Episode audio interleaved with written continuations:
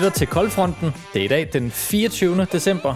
Mit navn er Daniel Frank, og med mig har jeg som altid min gode, trofaste, loyale ven, julemandens hjælper, Søren Meinerts. Øh, gaverne ville ikke blive delt ret tid ud, hvis jeg var julemandens hjælper. Velkommen Søren, og glædelig jul. Tak. Glædelig jul. Det er jo den, den største tid på året i aften. Eller i dag. Juleaftensdag. Jeg vidste ikke den, den næststørste, fordi man kan sige, nytårsaften, den kommer nok lidt før alt muligt andet hos de fleste. Fordi det er jo sådan en højtid, som alle kan være med på. Uanset religiøse lignings eller whatever, så kan alle være enige om, at tage hul på et nyt år, det er noget, der skal fejres. Det er i hvert fald den 24. december 2021, øh, optaget lidt i forvejen, men det behøver vi jo ikke at stå og reklamere for meget med. Skidt med det. Den er fra begge os og til alle jer, med ønsket om en rigtig glædelig jul. Og Søren, jeg skal være ærlig Ja, og sige, at øh, jeg har ikke, øh, jeg har ikke det helt store på spisekortet i dag. Fordi jeg tog et kig på øh, diverse forsider, BT, Ekstrabladet og Walnut og hvad vi ellers har. Det er corona mig her, corona mig der, corona langt op i røven, og jeg er ved at brække mig. Jeg gider ikke mere. Mm. Så øh, jeg har fundet på noget andet i stedet for. Vi skal høre lidt om nogle øh, lidt skøre juletraditioner fra andre lande. Vi havde den lidt nytårsaften, hvordan man holder nytår i det store udland. til faste øh, lyttere af programmet, dengang vi gik under navnet En God Morgen, der holdt vi jo nytårsaftensdag 2019 en øh, fire timers, altså nytårsmarathon fra de gamle studier i Hobro. Og øh, der testede vi jo forskellige nytårstraditioner fra forskellige lande, og vi havde oparbejdet en solid promille, da vi skulle prøve en nytårstradition fra Irland med at kaste brød på væggen. Vi er i Irland. Ja.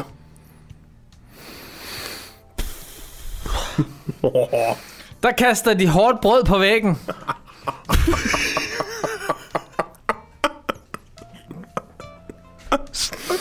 Skal vi prøve? Vi har nogle flyt. Ja. Vi har nogle flyt. Skal jeg lige smøre en først? Ej, du, ej, du skal ikke til at gøre din væg ren. Hold nu kæft, Søren. Okay.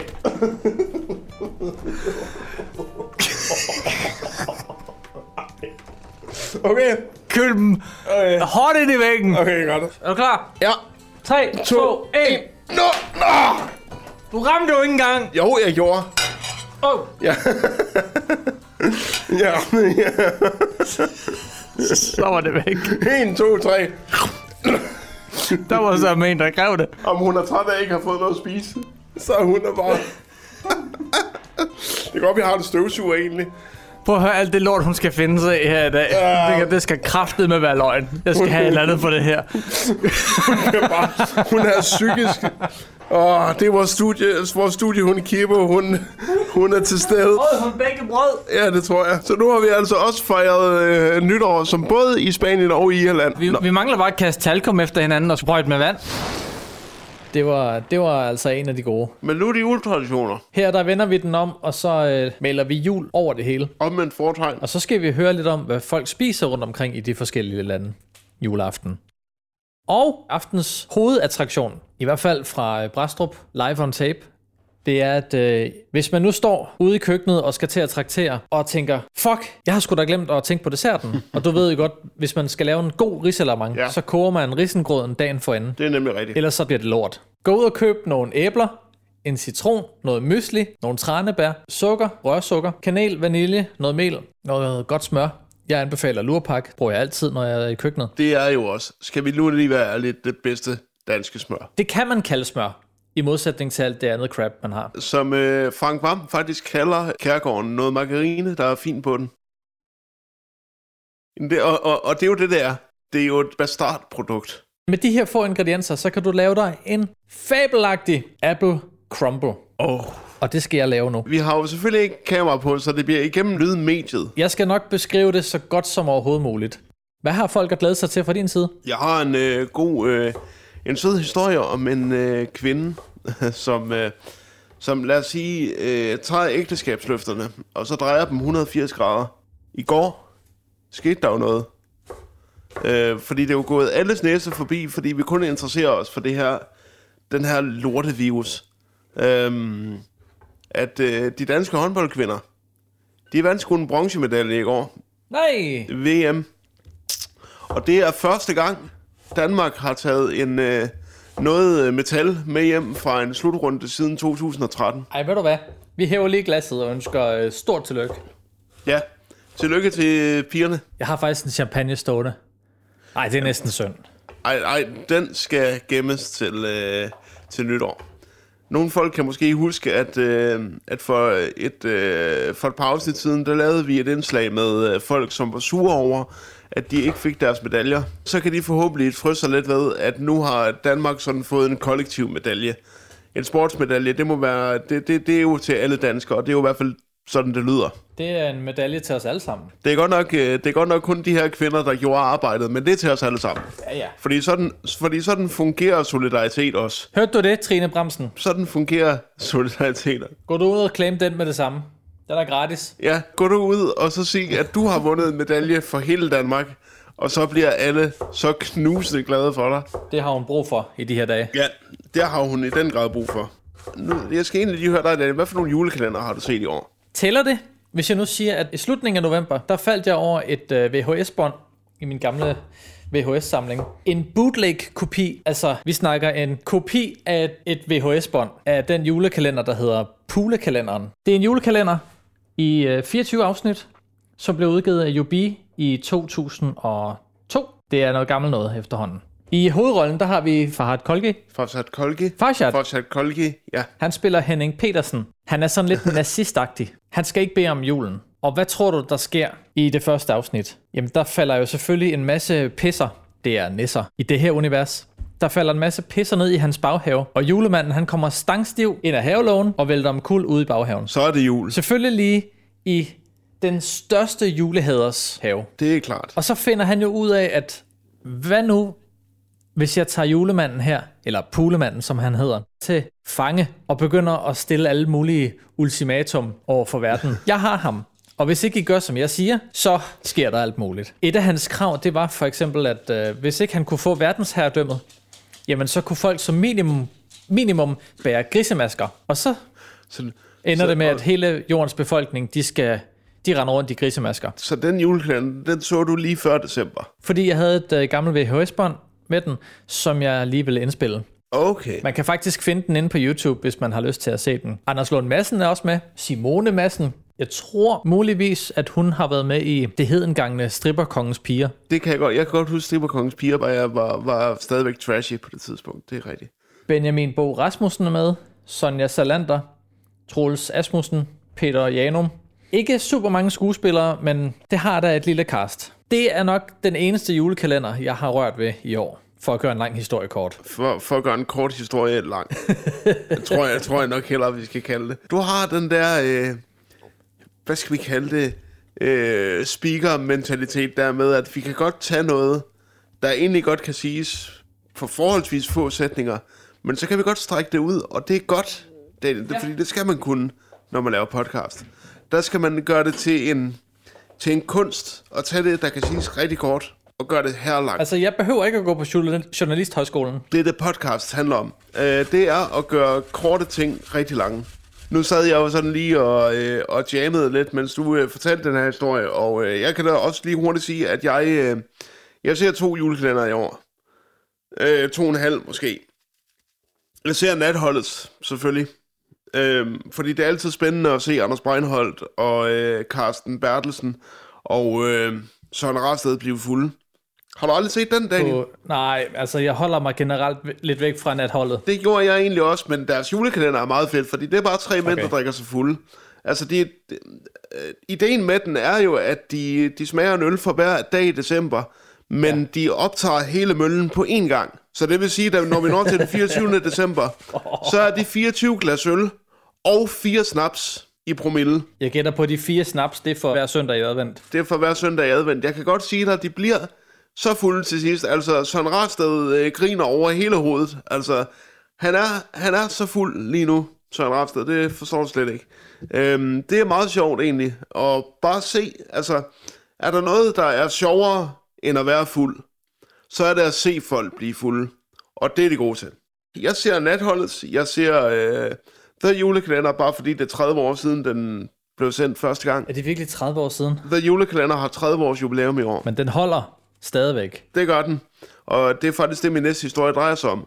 Og så, ser, så begyndte jeg at se lidt af alle tiders nisse med Pius. Ja, okay, det kan man også Men jeg fandt ud af, jeg fandt ud af, at øh, den kan jeg ikke se. Jeg kan godt se den første, alle tiders jul. Ja. Den kan jeg godt lide. Men den her, det er sådan en slok at komme igennem, når man er voksen. Hvordan mener du? Jamen, ja, den, er bare, den er bare slet ikke lige så godt paced og lige så interessant og finurlig som den første julekalender med Pyrus. Og så skal vi slet ikke snakke om julemand og den der med tvillingerne, fordi det var direkte til at lukke op og skide i. Nej, den skal man ikke se. Ej, Det behøver man ikke. Nej. Altiders nisse og altiders jul. Alle tiders jul, øh, synes jeg, er en af de bedste familiejulekalendere nogensinde. Det er den med Freja, ikke? Jo, lige præcis. Men det var måske også, fordi selve konceptet var så nyt. Og så synes jeg jo simpelthen, at Jesper Klein er så pilhammerende hyggelig som øh, Bertramsen. Ja, det er han. Æret være hans minde. Altså, Jesper Klein var jo, som hans øh, efternavn antyder, lidt af... Han var lidt ligesom en, hvis man skal sige, Kleine. En Kleine er jo også meget hyggelig, og kan virkelig få hyggen til at sænke sig. På samme måde kan Jesper Klein få hyggen til at sænke sig, når man ser ham. Jeg elsker sådan altid, når han skulle lave morgengymnastik, sådan hver gang man ser ham, når han står op i sengen i hvert afsnit, så ser man ham lige lave sin morgengymnastik, hvilket betyder, at han lige sådan er nede og rører gulvet sådan to gange, og så er det morgengymnastikken. Og så skal han lige bade. Hver lillefinger op i øjenkrogen for lige at fjerne noget søvn. Og så er det det. Ah, det frisket, når han så er færdig. Tilbage til øh, måske den øh, største danske kult julekalender. Eller den er jo ikke kult, fordi den er jo blevet folkelig. The julekalender.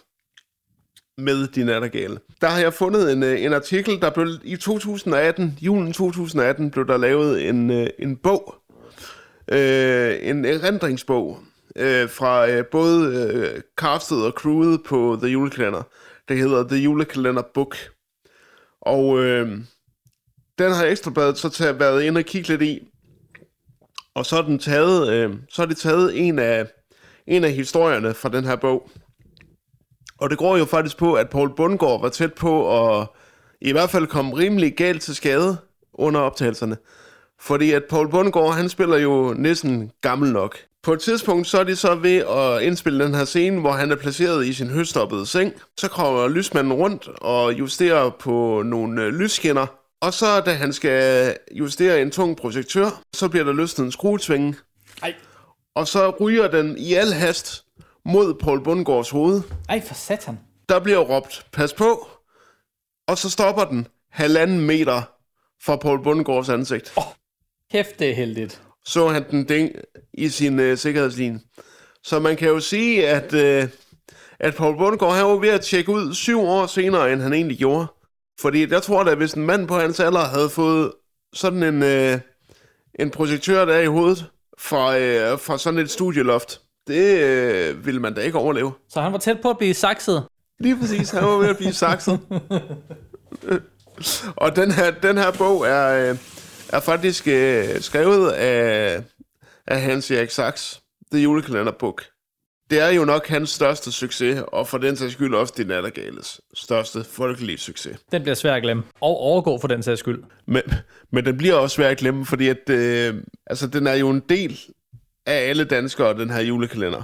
Vi må jo heller ikke få lov til at glemme den. Det kan vi jo også takke TV2 for. For lige at minde os om, at den øh, stadigvæk eksisterer. Og øh, TV2 ville ikke engang have den der for 30 år siden, da de nattergale sad på øh, kontoret på Kvægtorvet i Odense og sagde, øh, vi vil lave en julekalender med tre øh, danglish-talende nisser. Så sagde TV2, øh, nej, det ved jeg ikke. Ikke på vores kanal i hvert fald. øhm, men øh, de, vil, de gav ikke op, og øh, de rendte simpelthen TV2 på dørene. Og så til sidst så sagde TV2, jamen så indspil det da, vi er ligeglade og, øh, og, det, og det var da vist øh, den bedste beslutning TV2 nogensinde har taget, tror jeg. Man kan jo sige, hvad det er om, at alle replikkerne efterhånden er så udspillet og udslidte. Men det er jo stadigvæk sjovt, når man ser den med, no- med mange års mellemrum. Fordi der er mange ting, man glemmer. Læg mærke til, altså, hvor, øh, hvor fuldstændig for eksempel, altså, altså der er, hvor fuldstændig overspillet Uffe Rørbæk er som Benny, når han først går helt amok. Altså den, øh, den mands mimik, og hele den måde, han gebærder sig på med Benny-figuren, det er helt fantastisk. Vi skal lige samle op på øh, projektet, du har gang i. Ja, det bliver vi nødt til. Jeg har fået snittet mine æbler. Jeg har fået skåret nogle æbler i tern også, som nu skal blandes sammen og karamelliseres. Sidder du lige nu og fortæller mig, at du selv vil lave karamel?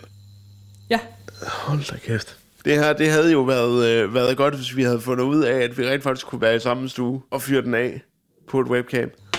Men øh, ja jeg ved det, det godt. kan vi ikke. øh, Det er det der med, Det kan- så skal vi prøve at male billedet for lytteren, ikke? Nu tager jeg mikrofonen med over til komfuret, så går det måske lidt nemmere.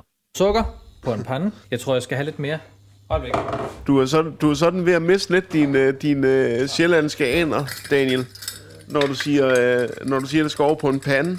Og det lyder sjovt, at du siger pande uden D'et, når øh, jeg ved, at du egentlig er fra Sjælland oprindeligt. Det lyder altså sket. Men Der er ikke nogen andre måde at sige det på, jo. Og så skal, nej, det gør det er nemlig ikke. Og det skal bare øh, smeltes. Jeg har aldrig rigtig prøvet at lave karamel før, så jeg passer lidt på. Jeg putter lidt kanel på, fordi det er jo jul. Selvfølgelig. kan godt smage lidt af kanel. Hvis man skal gøre noget julet, så skal man bare tilføje kanel. Flæskesteg, skal det smage jul? Ja, Kanel. en god mørbrødgryde. Kanel. Bum. Så er det julemørbrødgrøde. Ja. Og så er tricket, at øh, man kunne godt røre i karamellen, når det begynder at smelte, det her sukker. Men det bedste, det er bare at ruske panden lidt. Du tager panden, og så rykker du bare lidt frem og tilbage. Okay, det kan jeg godt høre, du, du, du, uh, rusker nu. Jeg kan godt lige gøre det igen. Kan du høre det? Ja, ja. Ja, ja, ja. Jeg kan godt høre, det bliver rusket. Alt det her, det kan I, I kan selvfølgelig se det flotte resultat på øh, Facebook og Instagram, Yes. når, øh, Der kommer billeder. når det bliver færdigt. Det skal ikke være nogen, øh, nogen løgn, at øh, Daniel er øh, skarp i et køkken. Og jeg har ikke kun øh, mærket det, dengang vi, øh, vi var... Øh, vi, vi holdt nytårsaften, men altså bare generelt til, øh, når jeg har været på besøg i øh, Brastrup, så er der altså blevet, øh, blevet stegt en bøf til fucking perfektion. Det er bare noget, der kan noget. Daniel kan altså godt finde ud af at være i et køkken. Øh, og det siger en mand, som slet ikke kan finde ud af at være i et køkken, men som elsker at spise det, der kommer ud af et køkken. Og det er simpelthen fantastisk. Altså, jeg, jeg kan ikke lave mad to save my life, men jeg elsker at spise det. Og jeg elsker at sætte pris på alle de små nuancer, der er i maden. Apropos mad, jeg har jo et fået, øh, jeg har fået julegave fra arbejdet i dag. Nå, En lille æske, en, øh, en æske fyldt med chokolade fra Aalborg Chokoladen. ej hvor lækkert. Ja, det er super lækkert. Nu har Daniel har anbragt øh, testiklerne på pladen nu, og det oser og ryger. Nu er jeg nødt til at tænde M-hætten. Og så ved jeg ikke, om du kan ringe til brandvæsenet imens. Kommer der virkelig gang i det mundre køkken nu? og politiet, øh, og politiet flotter ud af døren, mens du bare råber, jeg vil jo bare lave karamel. Jeg kan godt sige, at har dufter lige nu. Jamen, har dufter meget af æble, men også af kanel. Så du dufter meget julet lige nu. Jeg har bestemt, at, øh, at jeg vil, øh, jeg vil øh, tage min historie nu. Den, jeg teasede i den grad i starten af programmet. Man skal, man skal lytte godt efter, fordi det er en engelsk artikel. Kate Cunningham, who changed her surname to Elder when she and the Elder Tree tied up the knot in 2019, said the pair are more loved up than ever this festive season. Så hvis vi lige tager et øh, skridt tilbage, så er der altså en kvinde her, der har giftet sig med træ. Undskyld, hvad Ja. for noget? En kvinde har giftet sig med træ. Det gjorde hun for i 2019. De har to års, øh, to års bryllupsdag. Hun har ændret sit navn til Elder, Nej, hold op. fordi at det, var et ældre, det var et ældre træ, hun har Stop. giftet sig med. Stop. Ja, det- er rigtigt. Man har jo godt nok hørt om de der mennesker, hovedsageligt mænd, der tager ud og omfavner træerne i skoven. Og ja, Treehuggers er ikke bare øh, noget, mænd gør, åbenbart. Der findes også treefuckers. Hun, øh, hun planlægger altså at bruge Boxing Day, som er øh, 25. december, altså første juledag herhjemme.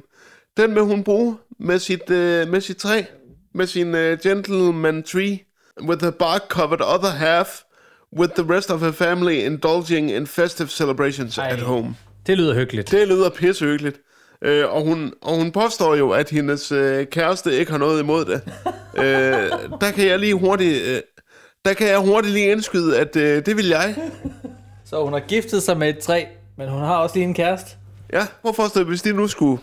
Altså, hvis nu herre og fru Elder, som hun nu hedder, de skulle konsumere det ægteskab, ikke? Kommer hun hjem efter en tur i skoven, som man siger. Og så siger kæresten, øh, jeg vil altså også gerne have lidt nu. Og så går de i gang, og så lige pludselig, så er der splinter over det hele. Skat, hvorfor har du splinter i skiden? Og, og hun har jo hun har jo selvfølgelig i øh, juleanledningen selvfølgelig øh, altså virkelig pyntet sin mand op, ikke? Altså hun har pyntet det her træ. I made the wreath from holly, ivy, pine and red winterberries, which I foraged a walk over the weekend, from a walk over the weekend. Plus, I added a little spray of festive glitter. I godsøjen festive glitter. Lige præcis, festive glitter. Æblerne står og hygger sig over i karamellen på panden. Jeg har en skål med nogle øh, hakkede, finskårende tranebær, tørrede tranebær, som jeg lige hælder ud over. Og så river jeg noget citronskal fint henover. Man bliver sulten af det her, Daniel. Det er jo selvfølgelig også det, der er meningen, fordi I skal jo selvfølgelig sidde og blive øh, inspireret, hvis I nu ikke har fået kogt den skide risengrød til risalamangen. Det kan godt lyde som om, at det her det er noget, der tager lang tid, men det gør det altså ikke. Af en eller anden årsag, så tager jeg mig bare rigtig god tid til det. Det er jo øh, kendetegnet med en ægte gourmet, det er, at der bliver kælet for detaljerne. Præcis. Har du fundet nogle af de der juletraditioner Ja, det har jeg. fra verden? Dem kan jeg læse, jeg kan læse dem op for dig lige om et øjeblik.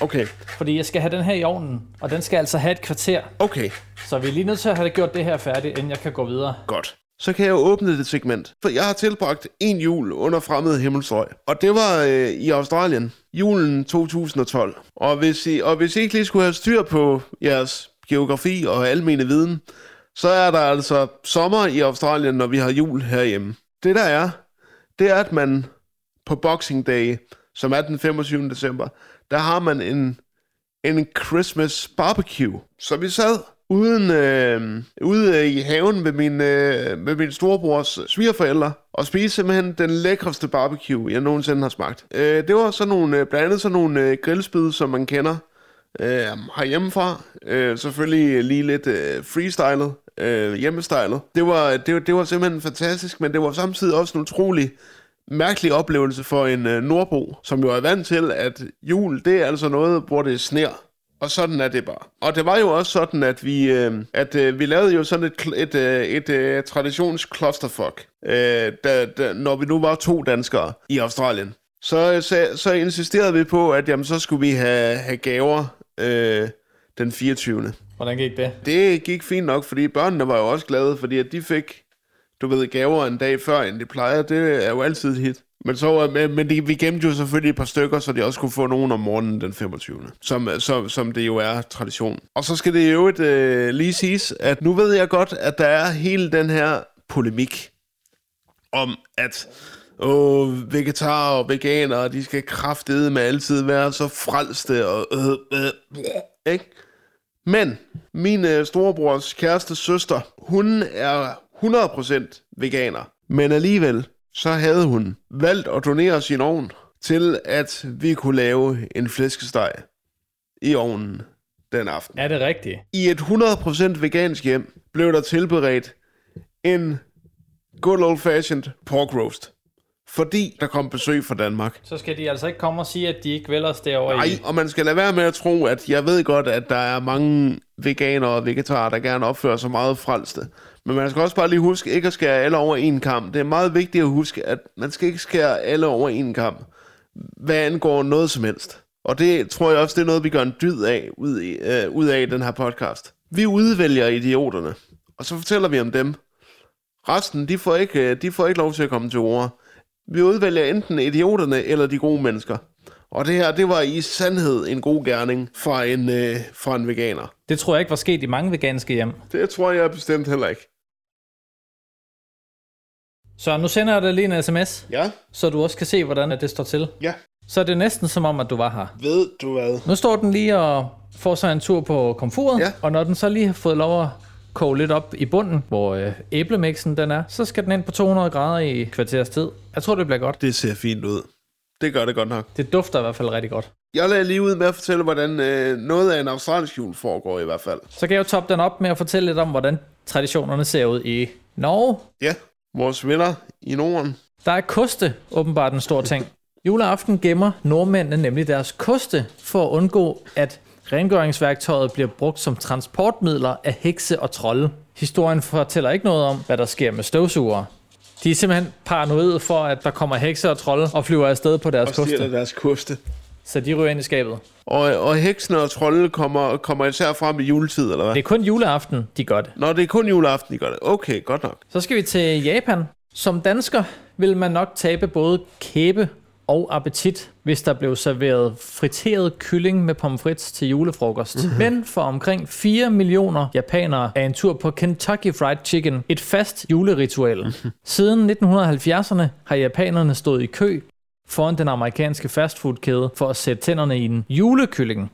Traditionen blev formentlig startet af vestlige tilflyttere, der ledte efter en erstatning for kalkunen eller gåsen. Imperialisme er det bedste. Sloganet KFC for Christmas fulgte snart efter, og da Japan ellers ikke har haft faste traditioner for julefejring, hoppede mange japanere med på bølgen. I dag står julekyllingen for cirka en tredjedel af KFC's samlede årlige salg i Japan. Okay. Det er altså voldsomt der. Så de skal have kylling og, og fritter? Det skal de bare Altså, altså, jeg vil, jeg vil da også sige, altså, en god fried chicken er der heller ikke at gå, at gå af vejen for. I Spanien, der slår de på kævlen, og her har vi ikke med juletræ at gøre, men en julekævle, som spanierne tegner øjne og mund på. Den får også tæppe og bliver fodret med alverdens skotter op til juleaften. Okay. Men så stopper hyggen for den spanske julekævle. Så, For nu skal den ellers slås med kæppe af hele familien og brændes langsomt i pejsen, indtil den skider julegaver og slæk. det minder mig om Kasper Mandela-aftalens julekalender, kan du huske det? Hvor, øh, hvor Frank Vam er øh, Jørgen Ingemann, som tæver julemanden hvert år. Hvor det er, han siger, at han springer frem fra bag gardinet og gennemhøvler ham med et piano fort af ældre dato. Og, og, og det elsker han. Det er lige så, han ryster og siger, Åh, slå mig igen, du musikalske mand. Julekævlen, den får simpelthen tæsk. I Rusland, der spiser man tradition tro ikke kød juleaften. Det kan virke mærkeligt nok i sig selv, men det bliver vildere. Juleaften sidder mange russiske familier samlet omkring en skål med grød, kogt på hvede, honning og birkes. Den sidste skefuld kastes op i loftet, Ja. og bliver den hængende, er det et tegn på fremtidig lykke, eller for lidt vand i grøden. Jeg vil, jeg vil umiddelbart sige det andet. Fordi Ruslands, Ruslands øh, sådan inventory af lykke, det ved jeg da ikke. Altså, jeg tror da måske, der er nogle russere, der har det meget godt, men der er nok flere russere, der har det helvede til. Den er ikke defineret af grød. Det er Nej, det sikkert. er den ikke. Ikke med mindre grøden hedder Putin. Den femte og sidste på listen. Straffet af monster, hedder overskriften. I Østrig skal ulydige børn passe på juleaften. Her kan man nemlig risikere at få besøg af Krampus, Åh oh, ja. og det er ikke et rart bekendtskab. Nej. Han beskrives ifølge folketraditionen som en blanding mellem en djævel og en ged. Ja. Med både horn, hugtænder og pels og en sæk, han putter udlydige børn ned i. Øh, det er altså Krampus, der gør det. Og øh, der vil jeg så lige øh, indskyde, at hvis man ikke gider at se Alene Hjemme, eller Det er herligt at leve, for Gud ved hvilken gang, så kan man faktisk se filmen Krampus fra 2015 med Adam Scott og Tony Collette. Den foregår i moderne tid. Den følger så den her øh, østriske immigrantfamilie, som får besøg af Krampus juleaften. Og den her familie skal så forsøge at få Krampus ned med nakken. Det bliver en festlig jul hos den familie. Det er en meget god, sjov og alternativ julefilm, der stadigvæk har de klassiske julebudskaber. Det er en af de bedste sådan alternative julefilm, sammen med Gremlins. Gremlins, det går nok længe siden, jeg har set den. Nå, men, øh, når man se hellere Krampus. Jamen, det skal jeg også. Men Gremlins, den, nu får jeg helt lyst til at se den. Crumblen, den er inde i ovnen nu. Nej, hvor lækker. Hvor lang tid skal den så have? Opskriften sagde et sted mellem 13-14 minutter. 13 sekunder og 4 år. Et sted derimellem skal den have. Kunne du ikke prøve, at fortælle lidt om, hvordan du plejer at holde jul?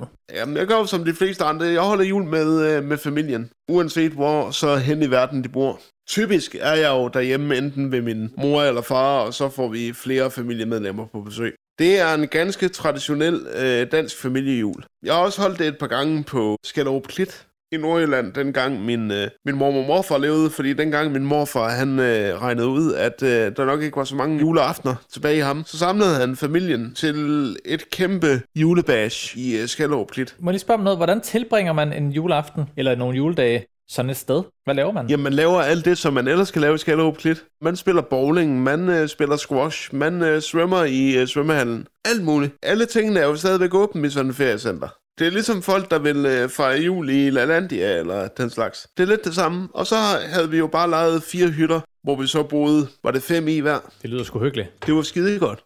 Sådan kan man altså også godt fejre jul. Det behøver ikke altid bare være, bare være hjemme og, øh, og det samme igen, men øh, selvfølgelig, julen er en traditionsbunden tid, og derfor er det jo også de fleste, der gør det på den måde. Og hvis det nu stod til dig, og du skulle bestemme julemiddagen, hvordan skulle den så se ud? Selvom jeg godt kan lyde lidt radikal en gang imellem i den her podcast, så når det kommer til julen, så er jeg egentlig en ret traditionsbunden mand. Jeg kan godt lide, at sovsen hænger ved kartoflerne, at sværene er sprøde, og at øh, anden smager, som den skal. Men jeg vil helst bare, øh, jeg vil helst have andet steg juleaften. Okay, du er ikke så god til flæskesteg måske? Jo jo, men jeg kan bare, du ved, and, det er bare, det, jeg får pisse ondt i maven af det, men jeg elsker det. Det er det hele værd. Jamen, det er det hele værd. Det er den sindssyge mavepine værd. Det er det altså bare. Jeg kan huske for et par år siden, da min kammerat skulle tilbringe nytåret i Danmark. Han har boet i USA i et par år nu. Og så kom han hjem, så skulle vi fejre nytårsaften sammen. Og så sagde han, han vil altså gerne have flæskesteg nytårsaften. Så sagde jeg, ved du hvad? Det er en ting, vi kan lave i hvert fald. Så der skulle jeg simpelthen lave min første flæskesteg på egen hånd. Hvordan gik det så? Ved du hvad? Det gik overraskende godt. Fordi at jeg ringede til min mor og fik alle de husråd, man skulle have for at gøre sværensbrød. Og det lykkedes. Den blev ikke lige så god, som mine forældre kunne lave den. Men sværen blev sprød, og det betød noget. Altså, jeg lavede den jo meget basic. Så der var ikke plads til meget improvisation, fordi at så, må, så god er jeg ikke i et køkken, og det har vi også fået, fået slået fast. Hvad med dig, Daniel? Jamen, øh, sådan de her de sidste mange år, der har vi holdt jul hjemme ved Camillas familie. Ja, og det skulle I også i år, ikke? Jo, det skal vi også i år. Det er sgu meget hyggeligt.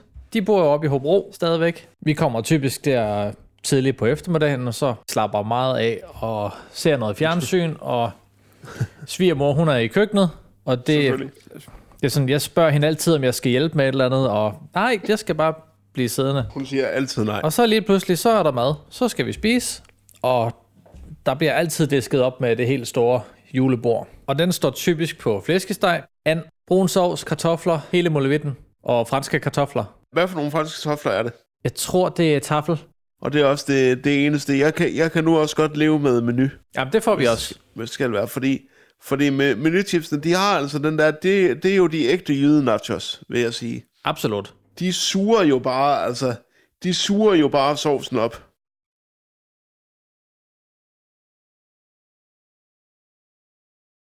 Og der skal vi også lige være enige om, at sovsen skal jo være sovs. Det skal ikke være en glas, det skal ikke være en sauce, det skal være en... Kanderne skal komme i en let strøm. Så meget skal der være. Det skal være sådan, når sovsen rammer tallerkenen, så kan man ikke bare høre det som et skulp. Så kan man høre, at øh, tallerkenen den giver et lille klir fra sig. Så tyk skal sovsen være. Det lyder sådan her. Så er det en god sovs. Ja. Hvad er det, der er blevet færdigt nu? Jamen, øh, det skulle gerne have været vores crumble, men jeg bliver lige nødt til at kigge, fordi jeg er ikke... Jeg er ikke helt overbevist. Jeg tror måske, jeg har brugt for lidt smør til oh. min øh, crumble mix. Der er jo både mel, der er mysli, sukker, men den ser stadigvæk ret tør ud. Altså som om, at smøren ikke er, at den ikke er trængt ud i melet og alt det tørre. Ved du hvad, jeg giver den lige 5 minutter mere. 10 minutter. Og så imens, at vi venter på det, så kan vi jo lige høre lidt om, hvordan de spiser i udlandet her i julen. I Polen for eksempel. Vidste du godt, de spiser 12 retter? Nej, 12 retter. Hvad, hvad, hvad består det typisk af så? Øh, I Polen mindes de Jesus 12 disciple med en 12-retters menu. Åh, oh, selvfølgelig. Og hvis de 12 retter bliver for meget for en polsk familie, så kan flere af retterne sagtens udlades. Men karpe og rødbedesuppe findes altid på det traditionelle polske julebord. I Frankrig spiser de juletræstammen. Langt de fleste franskmænd samles juleaften til kalkun og kastanjer eller gås. Og foie gras, fordi de kan ikke lade være. Nej, nej, det er De klart. skal bare have ting, der er presset ned i et stakkels dyr. Det kunne kong Volmer jo heller ikke. Herefter nydes noget af et kunstværk af en dessert, nemlig juletræstammen. Den hedder... Nu må du ikke hænge mig op, fordi mit franske, det er sgu lidt rustent. Det bestemmer jeg selv. Byg det Noel! Siger du, mens du twirler dit overskæg og ryger af din cigaret, der er i et 5 meter langt rør. Jeg går lige over og trækker en rødvin op. Finder lige en baguette. I Portugal spiser de frugtkage til dessert, og det, er, det ligner en bolle med alt muligt frugt, cocktailbær og hvad har vi. De samles omkring julebordet til torsk, kartofler og kål, og til dessert er det populært at spise en frugtkage, der hedder Bolloré hvor i der er gemt en bønne, og den person, der finder bønnen, skal tradition tro købe frugtkagen til næste års jul. Det er lidt en, øh, en bastard af, af, af mandeljagten i vores resonemang. Nu ved vi jo alle sammen godt, fordi det har vi snakket om den seneste, øh, ikke den seneste gang, men gangen før det, der snakkede vi jo meget om TV2-skandalen øh, med sexikanen. Nu øh, har Ekstrabladet så en, øh, en lille notits her, der hedder TV2 afslører nyt. Så klikker man jo lidt på den, fordi at jeg følger en lidt med i den sag. Så klikker jeg på den. Så er det kraftedet med nye gæster tjekker ind på badehotellet. Hold kæft, det er billigt, det der. Ja, det er eddermame tavligt, du.